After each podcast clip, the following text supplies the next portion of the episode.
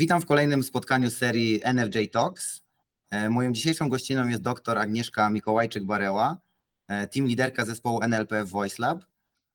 Ja nazywam się Tomek Bujok i dzisiaj porozmawiamy o czacie GPT i jak stworzyć własną alternatywę.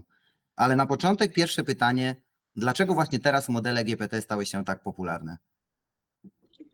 Cześć. E, Jest to bardzo ciekawe i trafne pytanie. E, Tak naprawdę w 2022 roku e, pojawił się nowy paper, nowy artykuł o czacie GPT, który mm, opowiadał o Instruct GPT i w tym artykule e, był tak naprawdę przełom, bo to był artykuł wypuszczony przez OpenAI, był dość spory przełom, jeśli chodzi o działanie samych tych modeli, bo poprzednie wersje działały całkiem nieźle, ale tak naprawdę największe postępy uzyskaliśmy dopiero po tym, jak się pojawił ten artykuł. I w tym artykule Instruct GPT po raz pierwszy tak naprawdę modele były trenowane e, do wykonywania instrukcji oraz były dotrenowane także z, ze wsparciem człowieka, bo to się nazywa With Human Feedback. I po tym sposobie treningu powstały modele, które lepiej odpowiadają na pytania i lepiej wykonują instrukcje. Więc myślę, że ten hype tak naprawdę pojawił się po tych postępach e, w rozwoju e, GPT. Okej, no właśnie, wspomniałaś model e, trenowania i chciałem zapytać teraz, no bo wszyscy znają te liczby, które pojawiają się w internecie, one działają na wyobraźnię i na przykład chat GPT-3 jest trenowany na 5 miliardach tokenów i ma 175 miliardów parametrów. Co to tak naprawdę znaczy? Jeśli chodzi o wielkość modelu, to tak naprawdę im większy model, tym jest jego w cudzysłowie większa pojemność na wiedzę. Możemy więcej informacji w nim zmieścić, ale to wiąże się z tym, że do wytrenowania takiego modelu potrzebujemy znacznie większej e, ilości danych. Stąd też te ogromne liczby, które podałeś, tokeny do wytrenowania modelu. Bo żeby dobrać te wagi, e, bo to te wszystkie parametry modelu, to są wagi, które określają to, w jaki on sposób działa. Więc żeby je dobrać podczas procesu uczenia, potrzebujemy mieć odpowiednią dużą ilość danych. Tak jak mamy równania matematyczne, mamy dwa równania, dwie niewiadome, no to wtedy e, jesteśmy w stanie rozwiązać to równanie. No i tutaj mamy tak dużo tych e, parametrów i także potrzebujemy odpowiedniej ilości danych, żeby wytrenować te modele. E, Rozumiem, czyli 5 miliardów tokenów to jest po prostu ten input, który jest wysyłany do, do takiego modelu po to, żeby go wytrenować, tak? Może nie, nie input, tylko zestaw inputów, tak, zestaw danych, ale tak, trenujemy wtedy taki model i tak naprawdę tutaj to już e, nie jest tak wprost powiedziane, że mamy, e, nie wiem, 5 miliardów parametrów, to potrzebujemy 5 miliardów danych, bo tutaj jeszcze pojawia się szum. Te dane nie są czyste, są zawsze obarczone jakimś błędem, zawsze się trochę różnią, więc tak naprawdę im więcej tych danych, tym lepiej. No i też im wyższej jakości, tym lepiej, bo artykuły też mówią o tym, że tak naprawdę lepiej mieć nawet trochę mniej tych danych, ale wyższej jakości, niż więcej danych bardzo złej jakości. No jest nawet to powiedzenie garbage in, garbage out, na pewno o nim słyszałeś, które opisuje to, że jeśli e, wprowadzimy do modelu dane bardzo złej jakości, no to nie ma co oczekiwać, że na wyjściu będziemy mieć dobre wyniki. Jeżeli dokładność danych, które zanotowaliśmy, jest na poziomie 80%, no to nasz nie ma szans, że model będzie przewidywał z jakością wyższą niż te 80%, na przykład 90%. No nie ma co oczekiwać. Dajemy słabe dane, będą słabe wyniki. Jasne, jest to bardzo interesująca kwestia, bo właśnie chciałem zapytać, jak ważne są dane użyte do treningu. I takie pytanie, które często ludzie zadają, to to, czy taki model jest w stanie w cudzysłowie wymyślić coś ponad to, co zostało mu przekazane e, w tych danych, które zostały użyte do trenowania. Jak to wygląda? Oj tak, to, to zdarza się często, pewnie nieraz zostało czy przez Ciebie, czy przez naszych słuchaczy zaobserwowane. To są tak zwane e, halucynacje. One występują wtedy, kiedy model generuje dobrze brzmiącą odpowiedź, e, która brzmi jakby to rzeczywiście była prawda. W rzeczywistości jest to dalekie od prawdy. No i wydaje się, że mm, te dane, które wystąpiły, nie mają swojego źródła w danych treningowych. No na przykład mogę się spytać czatu GPT, gdzie znajduje się siedziba firmy VoiceLab. I on mi powie, że, o, że ta siedziba firmy VoiceLab jest w Gdańsku przy ulicy Jana Skolna, na przykład, kiedy w rzeczywistości jest w zupełnie innym miejscu. No i skąd to się bierze? No na- na 100% nie było to w danych treningowych, więc skąd to się bierze? No i tutaj możemy wejść w takie szczegóły techniczne, bo to jest zależne od sposobu generowania wypowiedzi bota. To w jaki sposób on generuje wypowiedź. E, Jeśli byśmy mieli to w skrócie powiedzieć, to Jasne. przy generacji model e, tworzy taką ogromną listę prawdopodobnych słów. Słowa, które mogą wystąpić. I każde z tych słów ma przypisane swoje prawdopodobieństwo wystąpienia. Czyli niektóre słowa będą miały wyższe prawdopodobieństwo wystąpienia, inne niższe. I teraz, w zależności od parametrów, które ustawimy, może być większa szansa, e, to zazwyczaj jest większa szansa wybrania tych słów z wyższym prawdopodobieństwem. To zależy od tej słynnej temperatury e, wypowiedzi, którą, o której też pewnie słyszałeś. Więc im wyższa temperatura, tym większa szansa, że słowa o niższym prawdopodobieństwie wystąpienia wystąpią w naszej wypowiedzi. Więc jak mamy na przykład zdanie ala makota, to nasz model częściej widział taką wypowiedź. Więc jeżeli on będzie miał początek ala ma, to słowo kota będzie miało wyższe prawdopodobieństwa niż na przykład psa, słonia czy żyrafę.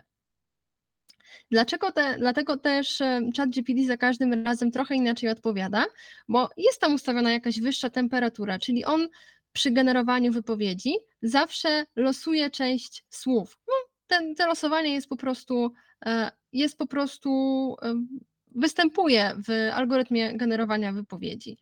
Czyli Rozumiem. Czyli to losowanie jest po to, żeby ta e, odpowiedź za każdym razem była trochę inna. Tak, żeby za każdym razem była trochę inna i wtedy to działa tak naprawdę słowo po słowie, a nawet nie słowo po słowie, tylko to, token po tokenie, bo token to jest tak naprawdę albo część słowa, albo całe słowa, to zależy i od języka, e, i od tego, jak długie jest słowo, no ale w przybliżeniu będziemy mówić o słowach, żeby było łatwiej. Czyli Mhm. model generuje słowo po słowie. Czyli jeżeli mamy, zaczyna się wypowiedź od ala, no to następnie mamy ogromną listę prawdopodobnych dalszych słów.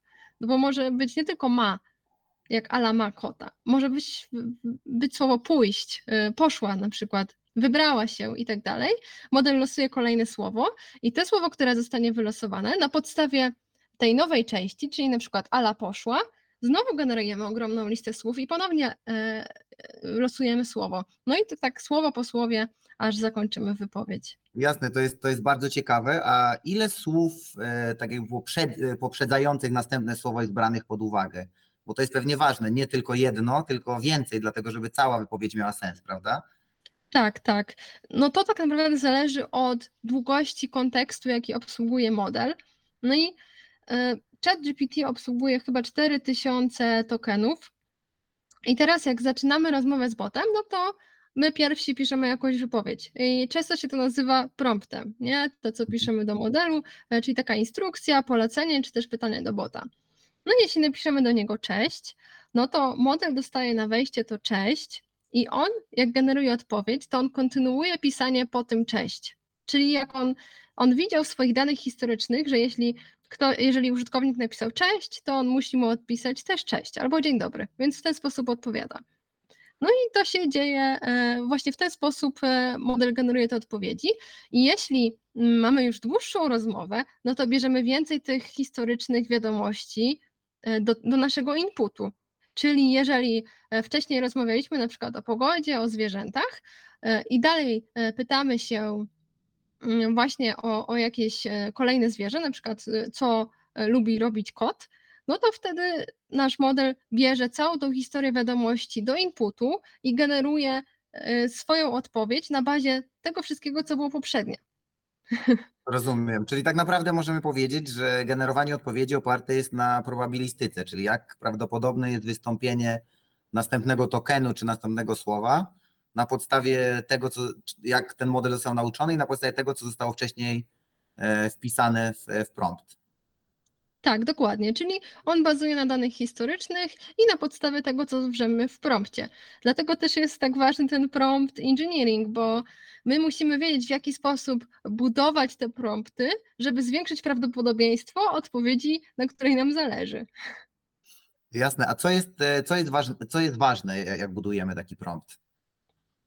Okej, to tu jest dość sporo pola do popisu, jeśli o to chodzi. Wszystko zależy, e, jaki mamy cel. I ten prompt engineering mi trochę przypomina takie uproszczone programowanie, bo musimy bardzo dokładnie powiedzieć, e, na czym nam zależy, jak najlepiej to określić. Jeśli na przykład chcemy dostać podsumowanie rozmowy, no to możemy napisać podsumuj mi proszę tę rozmowę, ale niekoniecznie wtedy model domyśli się, jak my sobie dokładnie to podsumowanie wyobrażamy. Ale jeśli mu powiemy, podsumuj, e, podsumuj mi tą rozmowę, zawrzyj wszystkie akcje, jakie wystąpiły w niej, e, wypisz mi ją w podpunktach oraz ogranicz się do 200 słów, no to jest o wiele większa szansa, że to podsumowanie będzie wyglądać tak, jak sobie wyobraziliśmy. Mhm, e, rozumiem. I śledząc takie prompty w internecie, zauważyłem też, że ważne jest, żeby mówić, czego ma nie robić. E, Dlaczego to jest tak ważne? O tak, to rzeczywiście jest ważne. E, Ja myślę, że to powstaje głównie z takiej metody prób i błędów, bo jak tworzymy takiego prompta, no to właśnie wyobrażamy sobie, jak ma wyglądać e, nasza odpowiedź, taka docelowa, dopisujemy, co ma robić, dostajemy odpowiedź i widzimy, że robi coś, czego nie chcemy robić. No i dlatego dopisujemy, czego ma nie robić. Więc mi się wydaje, że to głównie powstało z takiej metody prób i błędów, zanim udało się dojść do idealnego prompta. Więc e, gdyby on tego nie robił od razu, to nie trzeba byłoby tego dopisywać. E, Rozumiem. E, I jeszcze jedno pytanie odnośnie modeli GPT, bo no, w internecie możemy śledzić, że do trenowania takiego modelu używa się kart graficznych. No i dla laika karta graficzna to jest coś, co umożliwia generowanie obrazów tak, na ekranie. I dlaczego właśnie takich, takich, takie urządzenia używane są do, do trenowania czata GPT? Karty GPU są ogólnie stosowane w całym deep learningu do trenowania modeli i wiąże się głównie z tym, że przyspieszają one znacznie wszelkie operacje macierzowe na macierzach, e, dzięki czemu możemy mm, bardzo przyspieszyć te obliczenia.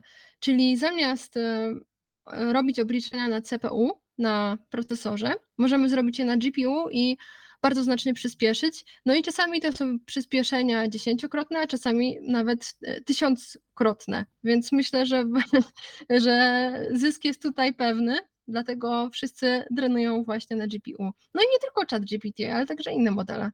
Rozumiem, czyli po prostu konstrukcja tego, mode- tego procesora GPU jest e, tak, e, jest tak skonstruowany, że te operacje, które używane są do, do trenowania deep learningowego, e, po prostu lepiej odpowiadają tej charakterystyce.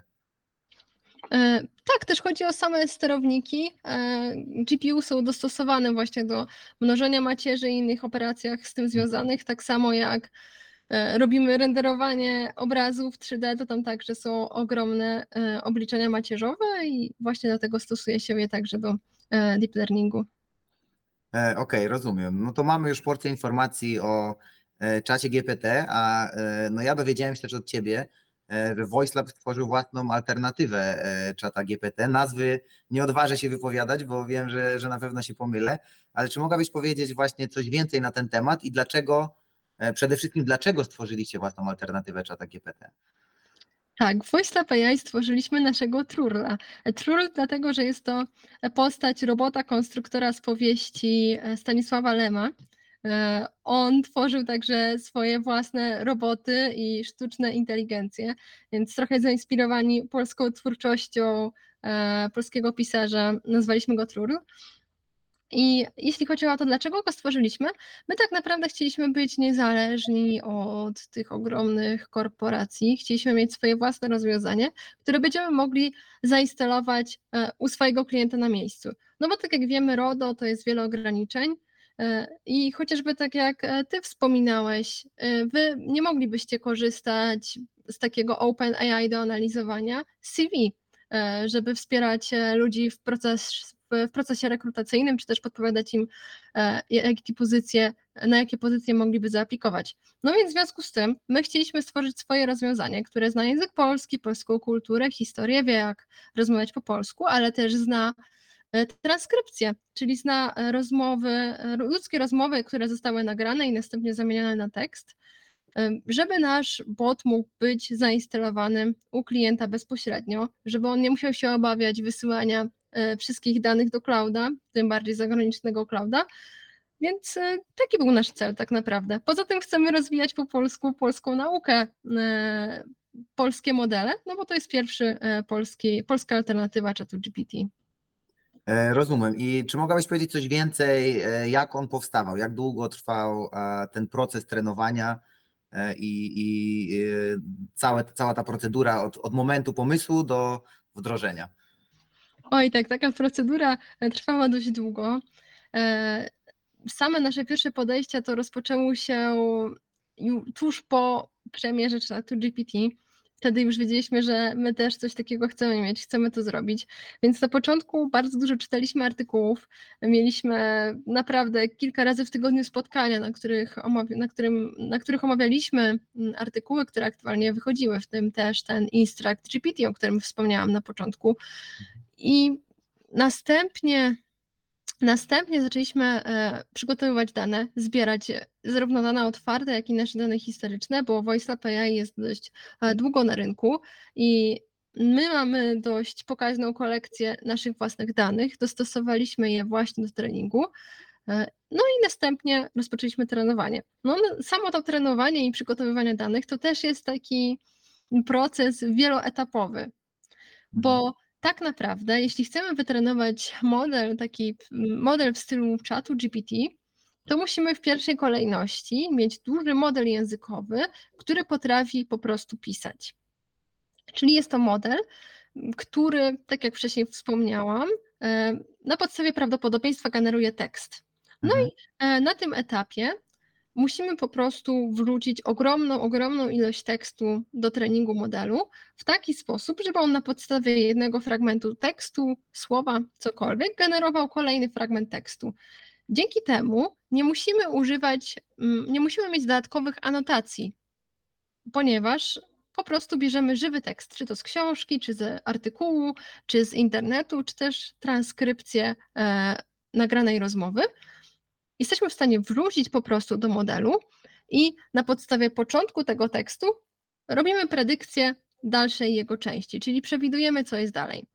Dzięki temu nie musimy mieć tysiąca anotatorów, czy nawet jakiejś innej ogromnej liczby, którzy będą siedzieć i e, robić nam anotacje, tylko po prostu e, mamy tekst, wrzucamy go i trenujemy model. I to jest ten. Mhm. To, to może przerwę właśnie, żeby dowiedzieć się, co to znaczy anotacja i co robi anotator.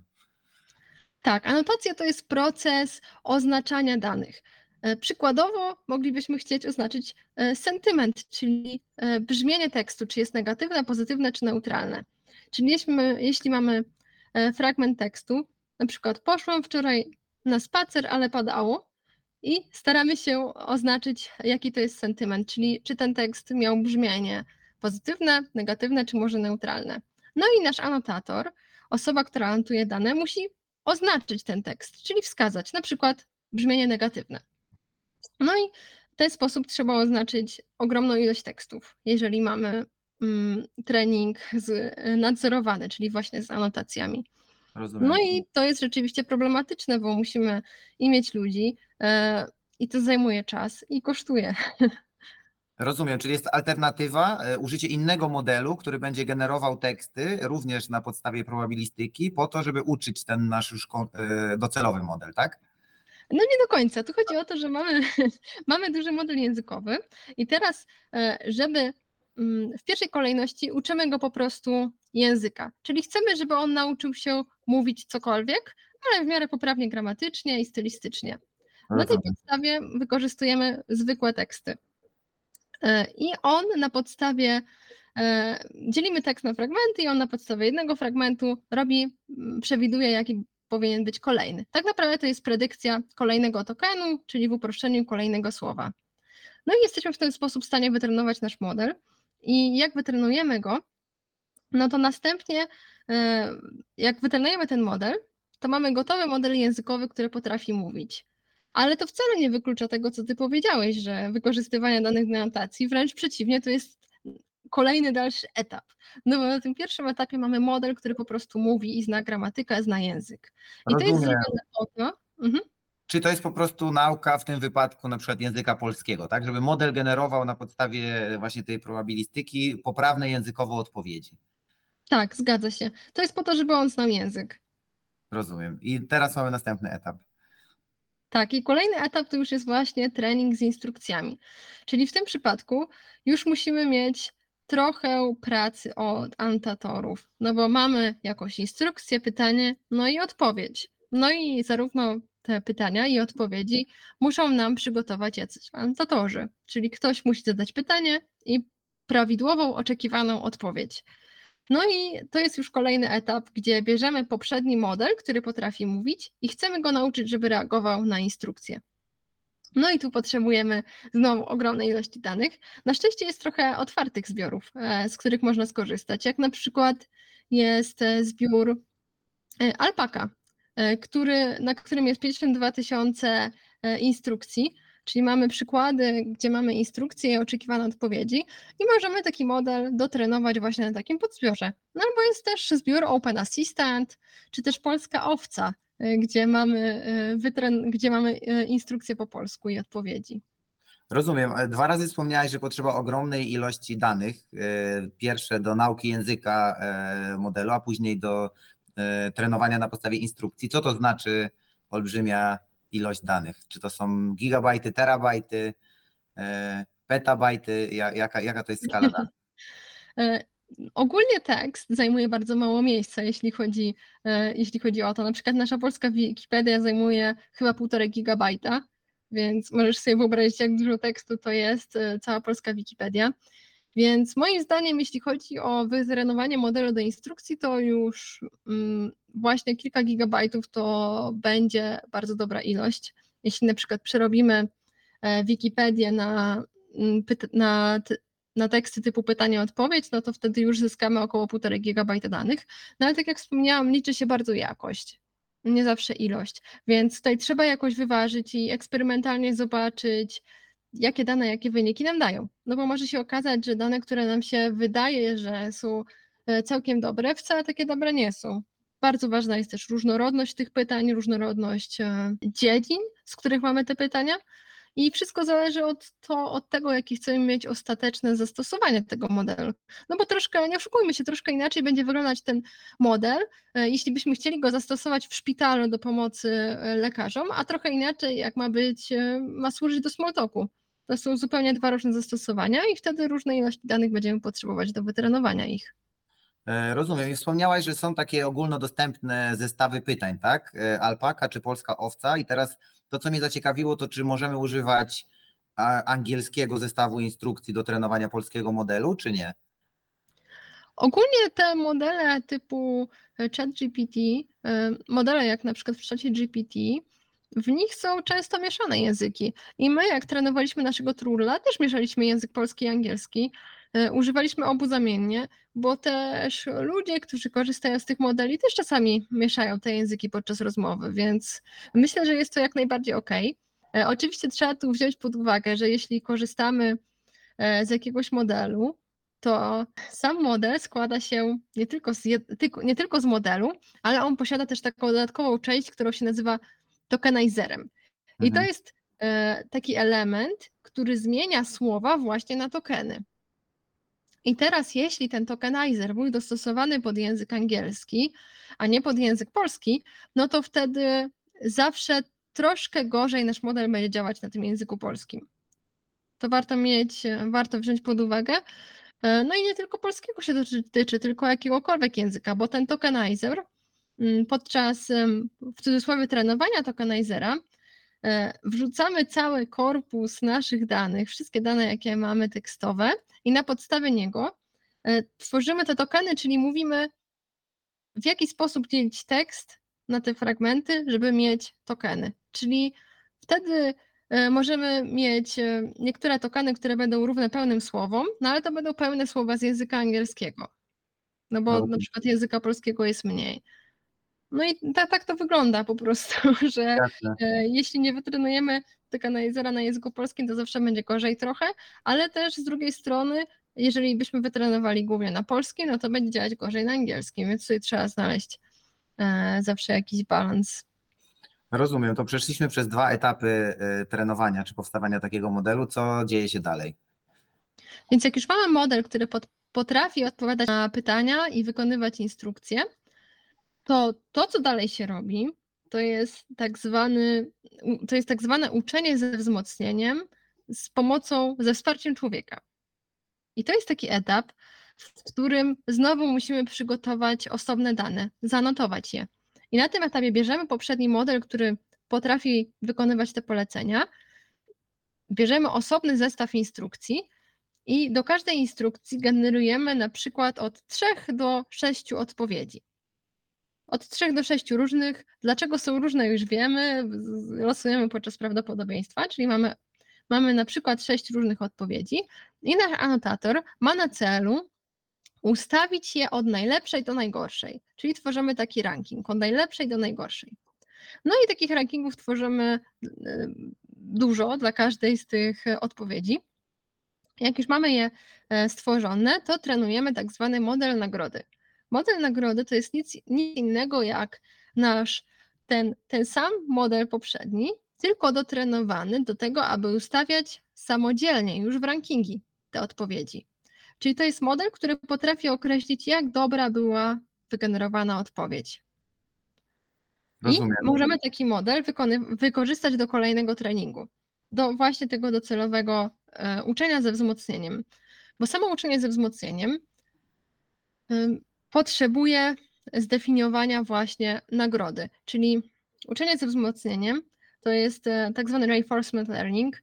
e, Polega na tym, że kiedy trenujemy nasz model, to musimy wskazać jakąś nagrodę lub karę za wygenerowanie wypowiedzi. Więc w tym przypadku mamy model nagrody, który robi to za nas. Już nie potrzebujemy na przykład mieć przez, y, nie musimy wygenerować tak dużo odpowiedzi e, przez anotatorów, tylko możemy wykorzystać model nagrody, który samodzielnie oceni, jak nasz nowy model generuje te odpowiedzi. No i ten sposób do trenowania sprawia, że model nie tylko odpowiada na instrukcje, ale odpowiada na instrukcje w taki sposób, jak na anotatorze ocenili jako najlepszy. Czyli na przykład trochę dłuższe odpowiedzi generuje. Rozumiem, czyli tak naprawdę jeden model wtedy uczy ten drugi model już, tak? Tak możemy powiedzieć? Można tak powiedzieć. Może nie tyle uczy, ale jest takim nauczycielem oceniającym i on wtedy mówi, no to jest dobrze, to jest źle i dzięki temu nasz model e, potrafi się dotrenować. No i to się nazywa uczenie with human feedback, czyli z takim wsparciem e, człowieka. Rozumiem, a to e, też zdradziłaś, że musi być duża liczba pytań. Co to znaczy duża liczba pytań? Czy to są dziesiątki tysięcy pytań z, taką, z takimi sześcioma odpowiedziami e, od najlepszej do najgorszej, czy jak to mniej więcej wygląda, jeśli chodzi o skalę? E, W artykule czatu GPT to było chyba kilkanaście tysięcy przykładów, e, o ile dobrze pamiętam. Więc nie jest to jeszcze taka liczba, która zabija od razu sama w sobie wszelkie chęci do trenowania, ale tutaj trzeba podkreślić, że to nie jest proces jednorazowy, tylko dotrenowujemy ten model z tym human feedback. Następnie nasi anotorzy ponownie oceniają odpowiedzi, ustawiają w ranking i powtarzamy ten proces. No i to się tak powtarza i powtarza i powtarza, aż model działa tak, jak e, sobie tego zażyczyliśmy. E, Rozumiem. I e, czyli tak naprawdę tworząc tą polską alternatywę, e, musieliście stworzyć własne pytania po polsku, które były istotne do, e, do uczenia tego modelu, czy, czy gdzieś e, one są dostępne ogólnie? My tak naprawdę, jak tworzyliśmy Trurla, to zatrzymaliśmy się na tym drugim etapie, czyli na trenowaniu na instrukcjach, Mhm. bo tak naprawdę niektóre artykuły mówią, że jeżeli mamy bardzo wy, wysokiej jakości dane w, na tym drugim etapie, no to trzeci etap do trenowania with human, with human feedback nie jest wcale potrzebny. Więc my zaczęliśmy zatrzymaliśmy się na tym drugim etapie. No to też się wiąże z kosztami, bo w tym treningu with human feedback musimy mieć znowu kolejne porcje danych, ale też musimy wytrenować model nagrody. On jest takiej samej wielkości jak model docelowy, czyli jeśli trenowaliśmy poprzedni model na przykład dwa tygodnie, to ten model nagrody też sporo będziemy trenować, sporo będziemy ponownie trenować z tym uczeniem ze wzmocnieniem, więc to są kolejne wyzwania. Więc my zakończyliśmy na tym drugim etapie. E, Rozumiem. A z czym wiążą się największe koszty e, tworząc taki, taki model? Wspomnieliśmy już te GPU, wiemy, że one są drogie. Czy mogłabyś zdradzić, ile, ile kosztuje taka karta? E, No i z czym wiążą się te dodatkowe koszty, już posiadając takie, takie, takie urządzenia? Tak, ile kosztuje taka karta? Ja jak wyszukiwałam w przeglądarce, to widziałam, że A180 giga to jest 80 tysięcy złotych na Allegro. Jak to wygląda w kosztach dla firm, to szczerze mówiąc nie wiem. E, Pewnie, nie, pewnie jest to o wiele niższa cena przy zakupie jakiegoś większego serwera, no ale to są rzeczywiście koszty. E, Plus koszt, sam prąd kosztuje w sobie troszkę, e, więc koszty wydatków energii elektrycznej też należy wliczyć w taki trening, w szczególności jak on potrafi trwać kilka tygodni. No i oczywiście dane, bo dane same, same w sobie to są ogromne koszty. Oczywiście są otwarte zbiory, ale nie każdy można wykorzystać komercyjnie. A poza tym nie wszystkie są e, w dość wysokiej jakości. Można powiedzieć, my podczas przygotowywania zbiorów też zauważy, zauważyliśmy sporo e, błędów e, w tych mm, zbiorach. Na przykład w owcy zauważyliśmy, że dość często są błędy tłumaczenia. Mm, Zbiór był nazwany jako zbiór o wysokiej jakości tłumaczenia, ale nam się wydaje, że on został przetłumaczony automatycznie przez ChatGPT, ponieważ w około 10% odpowiedzi dostajemy odpowiedź nie na pytanie, ale odpowiedź nie jestem w stanie przetłumaczyć tekstu. Czy mógłbyś napisać to inaczej? Okej, rozumiem. To o czymś świadczy. Jeśli będziemy trenować na takich zbiorach nasz model, to nie będziemy uzyskiwać takiej odpowiedzi, jaką chcemy. Okej, czyli wspomnieliśmy, wspomnieliśmy koszt y, GPU, czyli rozumiem powiedzmy około 80 tysięcy. Za No sztukę, tak. Tak, za sztukę, a Ośmiu byśmy potrzebowali. ile by no trzeba było?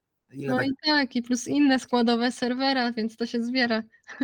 E, Czyli rozumiem, że chcąc stworzyć własny model, musimy zarezerwować kwotę co najmniej pewnie milion plus, tak? Jeżeli kilkaset tysięcy wydamy na, na karty GPU, później dane, później prąd, czyli e, pewnie tak e, plus minus moglibyśmy oszacować teraz na szybko. No, całkiem możliwe. Ja sama tego nie przeliczałam, ale pewnie tak. No chyba, że skorzystamy z clouda, no i będziemy mieć super szczęście. Po pierwszym treningu nam się wszystko uda. No, nam się po pierwszym treningu nie udało, ale może, jeśli ktoś będzie miał szczęście, to mu się tak uda, to wtedy trochę taniej będzie, no bo jednak jeżeli planujemy tylko jeden trening, to nie musimy od razu samemu ustawiać sobie serwera, tylko możemy skorzystać z clouda. E, Rozumiem. E, Chciałem jeszcze e, zahaczyć taki temat jak to, czego te modele nie potrafią, E, bo rozumiemy teraz, jak one działają, jakie są etapy uczenia. E, Mniej więcej rozumiemy ten model probabilistyczny, w jaki sposób generowana jest odpowiedź i jak, ten, jak te modele są trenowane. E, No natomiast no, w internecie krążą już memy z failami czata GPT, ale jak mogłabyś nam zdradzić nieco więcej z punktu widzenia właśnie konstrukcyjnego tego rozwiązania, czego te modele nigdy nie będą potrafiły, bo wiemy, że są takie ograniczenia. Na pewno dużym ograniczeniem jest matematyka i wszystko, co z nią związane. No bo to jest jednak model językowy. Jak mu powiemy, em, ile to jest 2 plus 2, no to będzie miał pewnie 99% pewności, że to jest 4. No ale wśród tych słów, jako odpowiedź, może się znaleźć też 5, no bo w internecie, nie oszukujmy się, 2 plus 2 równa się 5 pewnie nieraz się pojawiło i to było w danych treningowych. I wszelkie rzeczy związane z matematyką to model nie widzi tego wcale jako matematyki. On widzi to jako kolejne słowo, które przewiduje z pewnym prawdopodobieństwem, więc on wciąż pracuje tam na słowach, na wyrazach. No, a największe problemy pojawiają się, kiedy on ma zliczać słowa, które generuje. Dla niego to już jest tak abstrakcyjne pojęcie. On nie ma pojęcia o co chodzi, kiedy mamy powiedzieć, że ma wygenerować tekst na równe 10 słów. E, Wczoraj nawet próbowałam to. Poprosiła, żeby wygenerował mi zdanie e, liczą, e, składające się z 10 słów. No nie było szans. Nawet jak powiedziałam, że to jest 9 słów, wygenerował kolejne na 8. Powiedziałam, że to jest 8 słów, wygenerował kolejne na 9. No to jest naprawdę dla niego pojęcie bardzo abstrakcyjne, ale nie dziwmy się. No tak wygląda proces generowania odpowiedzi. On ma prawdopodobieństwo wystąpienia kolejnego słowa. Rozumiem, czyli on tak naprawdę nie wie, jak długa jest ta odpowiedź. On jest w stanie tylko na podstawie naszego inputu, że wygeneruj 10 słów, y, sp- jakby z jakimś prawdopodobieństwem wygenerować jakąś odpowiedź, natomiast nie jest w stanie jej zliczyć. Tak, myślę, że, że raczej nie jest w stanie tego zliczyć, przynajmniej nie na ten moment. Czy kiedyś to będzie możliwe? Być może, jeśli odpowiednią ilość takich danych e, zapewnimy, to być może do pewnego etapu on będzie działać, ale to wciąż nie jest silnik matematyczny. Być może trzeba po prostu do takiego czatu podłączyć na przykład Wolf, Wolframa, który za niego będzie liczył i widziałam, że są takie podejścia. E, Ludzie rzeczywiście tak e, robią, że podłączają wtyczki, które w pewien sposób likwidują pewne błędy związane z działaniem modeli językowych. No ale właśnie to, co chciałam powiedzieć, to zdecydowanie matematyka to jest problem, z którego być może nie wszyscy sobie zdają sprawę. To nie jest takie proste. Model wymagać od modelu, który pisze, żeby liczył. Rozumiem, to jest bardzo ciekawe, czyli, czyli w tym wypadku e, odpowiedź jest problematyczna, a jeśli chodzi o e, no tutaj zdrowie, tak, bo mówimy, że czat GPT będzie pomagał w medycynie, e, w rozpoznawaniu chorób, czy diagnozach, czy e, wsparciu lekarzy, e, no jak w takiej sytuacji wygląda kwestia potencjalnych błędów, no bo wiemy, że to jest też tak naprawdę tylko probabilistyka, jeśli chodzi o tekst. E, Co mogłabyś powiedzieć w tym temacie? Oj, tutaj myślę, że to jest ciężki temat, mm, w szczególności, że też te modele, tak jak wspomnieliśmy w ogóle na samym początku, są skłonne do halucynacji, czyli odpowiadania możliwych odpowiedzi, które brzmią dobrze, ale nie mają swojego związku y, z danymi treningowymi. No i to już samo w sobie mm, tworzy wiele problemów, no bo z jednej strony mamy taki bias, który mówi o tym, że lekarz czy jakikolwiek człowiek, który dostanie informację od systemu sztucznej inteligencji czy innego wspierającego, jest bardziej skłonny uwierzyć, że ta odpowiedź jest prawidłowa. Jeśli na przykład podejrzewał, że to może być choroba A albo B, ale nie był pewny i model mu powie, że to jest odpowiedź B, no to on uwierzy, że to jest ta odpowiedź B. Nawet jeśli e, odpowiedź A było trochę bardziej prawdopodobna, nawet jeśli się bardziej skłaniał ku tej odpowiedzi A. No i to już tworzy pewne problemy, bo jeżeli ten model się pomyli, a no jest na to szansa, to jest model, który potrafi mówić, no to zaczynają się pewne spore konsekwencje, tak, jeśli chodzi o leczenie i pacjentów, więc ja bym z tym wszystkim e, jednak uważała. Ale coraz więcej pojawia się też metod na, na walkę z tymi halucynacjami. Na przykład prostą metodą jest wygenerowanie odpowiedzi na to samo pytanie kilkukrotnie, na przykład dwa, trzy razy. Jeżeli odpowiedź się zmienia, na przykład spytamy się, gdzie znajduje się siedziba firmy VoiceLab i on nam powie raz, że to jest w Poznaniu, drugi raz, że w Krakowie, a trzeci raz w Warszawie, no to mamy pewność, że to była halucynacja, bo za każdym razem ta odpowiedź była inna, bo trochę inaczej wylosował e, ze swojej listy słów. Więc to Rozumiem. jest chyba jedna z metod.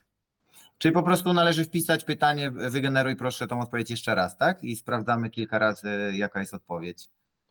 Nawet e, sam ChatGPT ma taki przycisk e, Regenerate, to też Okej. można go po prostu przycisnąć i on też nam e, wygeneruje to ponownie. Okej, rozumiem. E, No a na koniec jeszcze taka kwestia, która mnie interesuje jako programisty. No co jeżeli chciałbym sam stworzyć e, taki model? Oczywiście rozumiem, że muszę kupić e, kilka GPU i wyłożyć kilkaset tysięcy złotych, no ale wiele z tych modeli jest e, open source'owych, prawda? Możemy gdzieś tam znaleźć na GitHubie czy, czy w internecie ogólnie. E, Czy mogłabyś co nieco powiedzieć właśnie o tych modelach open source'owych i ich e, jakości? Czy będę w stanie stworzyć coś, co faktycznie zadziała, czy jednak będzie to mnóstwo pracy? No, na pewno będzie to trochę pracy, ale też jest trochę modeli, mm, z których można skorzystać. I tutaj jeszcze zależy, czy e, chcesz wykorzystywać model komercyjnie, czy tylko do własnych celi. Jeśli tylko do własnych celi, niekomercyjnie, to będzie Ci łatwiej, bo jest więcej takich e, modeli dobrej jakości. Chociażby cała rodzina modeli Lama, mm, które zostały stworzone przez y, Metę, mm, czyli dawny Facebook. Oni opublikowali modele w wersji 7, 13, 30 i 65 miliardów parametrów. I mm, samo to ich opublikowanie tych modeli bardzo przyspieszyło rozwój, bo się pojawiło już mnóstwo takich y, dzieci w cudzysłowiu e, związanych z tych modeli, e, związanych z tymi modelami. Czyli ludzie wzięli te lamy, no i detrenowali już na instrukcjach. No i tak powstała na przykład alpaka, albo wikuna, koala, czy też wizard. I to są modele, które rzeczywiście mógłbyś wziąć i już detrenować na swoich instrukcjach. Zaleta jest taka, że one same z siebie już działają całkiem nieźle. Oczywiście to nie jest taki poziom jak czatu GPT, y, ale na języku angielskim jest całkiem ok. Jeśli chodzi o język polski, to jest mnóstwo, mnóstwo problemów. Nie działa to tak dobrze, jakbyśmy chcieli. E, Niektóre modele w ogóle nie odpowiadają po polsku, tylko odpowiadają na polskie pytania, nawet je całkiem rozumieją, rozumieją tylko po angielsku, albo odpowiadają łamaną polszczyzną, no i też często się zapętlają. E, Więc jest sporo tych problemów, ale jak włoży się w to odpowiednio dużo wysiłku, to jest to możliwe. No oprócz tej rodziny Lama mamy też na przykład rodzinę z GPT-Neo, to jest, są modele z Elufer AI i tutaj mamy trochę modeli, które już można wykorzystywać komercyjnie, e, z tym, że one nie były trenowane na instrukcjach, czyli to są modele, które potrafią po prostu gadać. No i też niedawno pojawił się Falcon. E, Jest to taki relatywnie no, e, nowy model językowy e, w wielkości 7 e, miliardów parametrów i też 40, więc jest mniejsza i większa wersja. Oni się chwalą, że ta ich wersja 40 miliardów parametrów to przebija wszystkie inne w tym momencie. No i całkiem niedawno ogłosili, że można je wykorzystywać też komercyjnie. To jest ciekawostka. I pięć dni temu pojawiła się Open Lama, odpowiedź na e, zamkniętą lamę e, z mety. E, pięć dni temu, czyli około tam 15 czerwca, pojawiła się lama, Open Lama, z której można mm, korzystać. Rozumiem, czyli tak naprawdę tych modeli jest wiele, no również takie, które mógłbym wykorzystywać komercyjnie. Kwestia zaznajomienia się z tym modelem, no kwestia oczywiście sprzętu i kwestia e, no, tych danych wejściowych, tak? kwestia instrukcji, tego do czego ten model chcemy wykorzystać. No również kwestia nauki języka z tego, co wspomniałaś, tak? bo nie wszystkie będą rozumiały e, język polski. Tak, jak najbardziej. No, przede wszystkim dane, jak powiedziałeś, model z punktu zero otwarty już mamy, czyli dane, model. No i też ludzie, którzy zrobią ci ten trening, bo to też wcale nie jest takie proste. Okej, rozumiem, czyli ilu, ilu mniej więcej ludzi potrzebowałbym, żeby e, osiągnąć jakiś taki najmniejszy możliwy pozytywny wynik? To jest kilka osób czy kilkanaście osób e, potrzebnych do anotowania, pisania? Oczywiście rozumiem, że to jest pytanie, które jest, e, jakby pewnie ma wiele odpowiedzi, ale tak dla, Mhm. dla laika, który chce stworzyć własny model. E, Myślę, że zależy, ile mamy czasu. No Okej. bo jedna osoba będzie nam troszkę dłużej anotować e, tysiąc instrukcji niż 10 osób, nie? Więc to wszystko zależy od tego, ile mamy czasu. Mm, Jeśli chodzi o zespół, no to kilka doświadczonych osób spokojnie wystarczy, żeby przeprowadzić taki e, trening. Aczkolwiek im więcej par rąk i oczu, tym większa szansa, że zauważymy jakieś potencjalne błędy i niedociągnięcia. Mm, U nas w zespole jest, e, jest pięć osób w zespole NLP, no i poradziliśmy sobie, stworzyliśmy trula, który działa całkiem nieźle, więc jak widać można to zrobić e, stosunkowo niewielką mocą, ale też nie oszukujmy się, my mamy spore doświadczenie w tej kwestii, bo też trenowaliśmy inne generatywne modele wcześniej, czyli to nie była dla nas aż tak wielka nowość. Rozumiem, świetnie. Ja czuję się zachęcony, jak tylko będę miał czas na wakacjach, to zacznę bawić się modelami open source'owymi, żeby, żeby spróbować, e, co tak naprawdę mógłbym stworzyć. Zachęcam również do zerknięcia na Trurla e, z zespołu VoiceLab. E, No i cóż, bardzo serdecznie dziękuję za rozmowę, Agnieszka. Bardzo miło było mi Cię gościć w serii NFJ Talks e, i życzymy e, powodzenia w dalszym trenowaniu modeli NLP w Twoim zespole. Dzięki wielkie. Dzięki wielkie, miło było porozmawiać i też zapraszam na Trurl AI. Dzięki.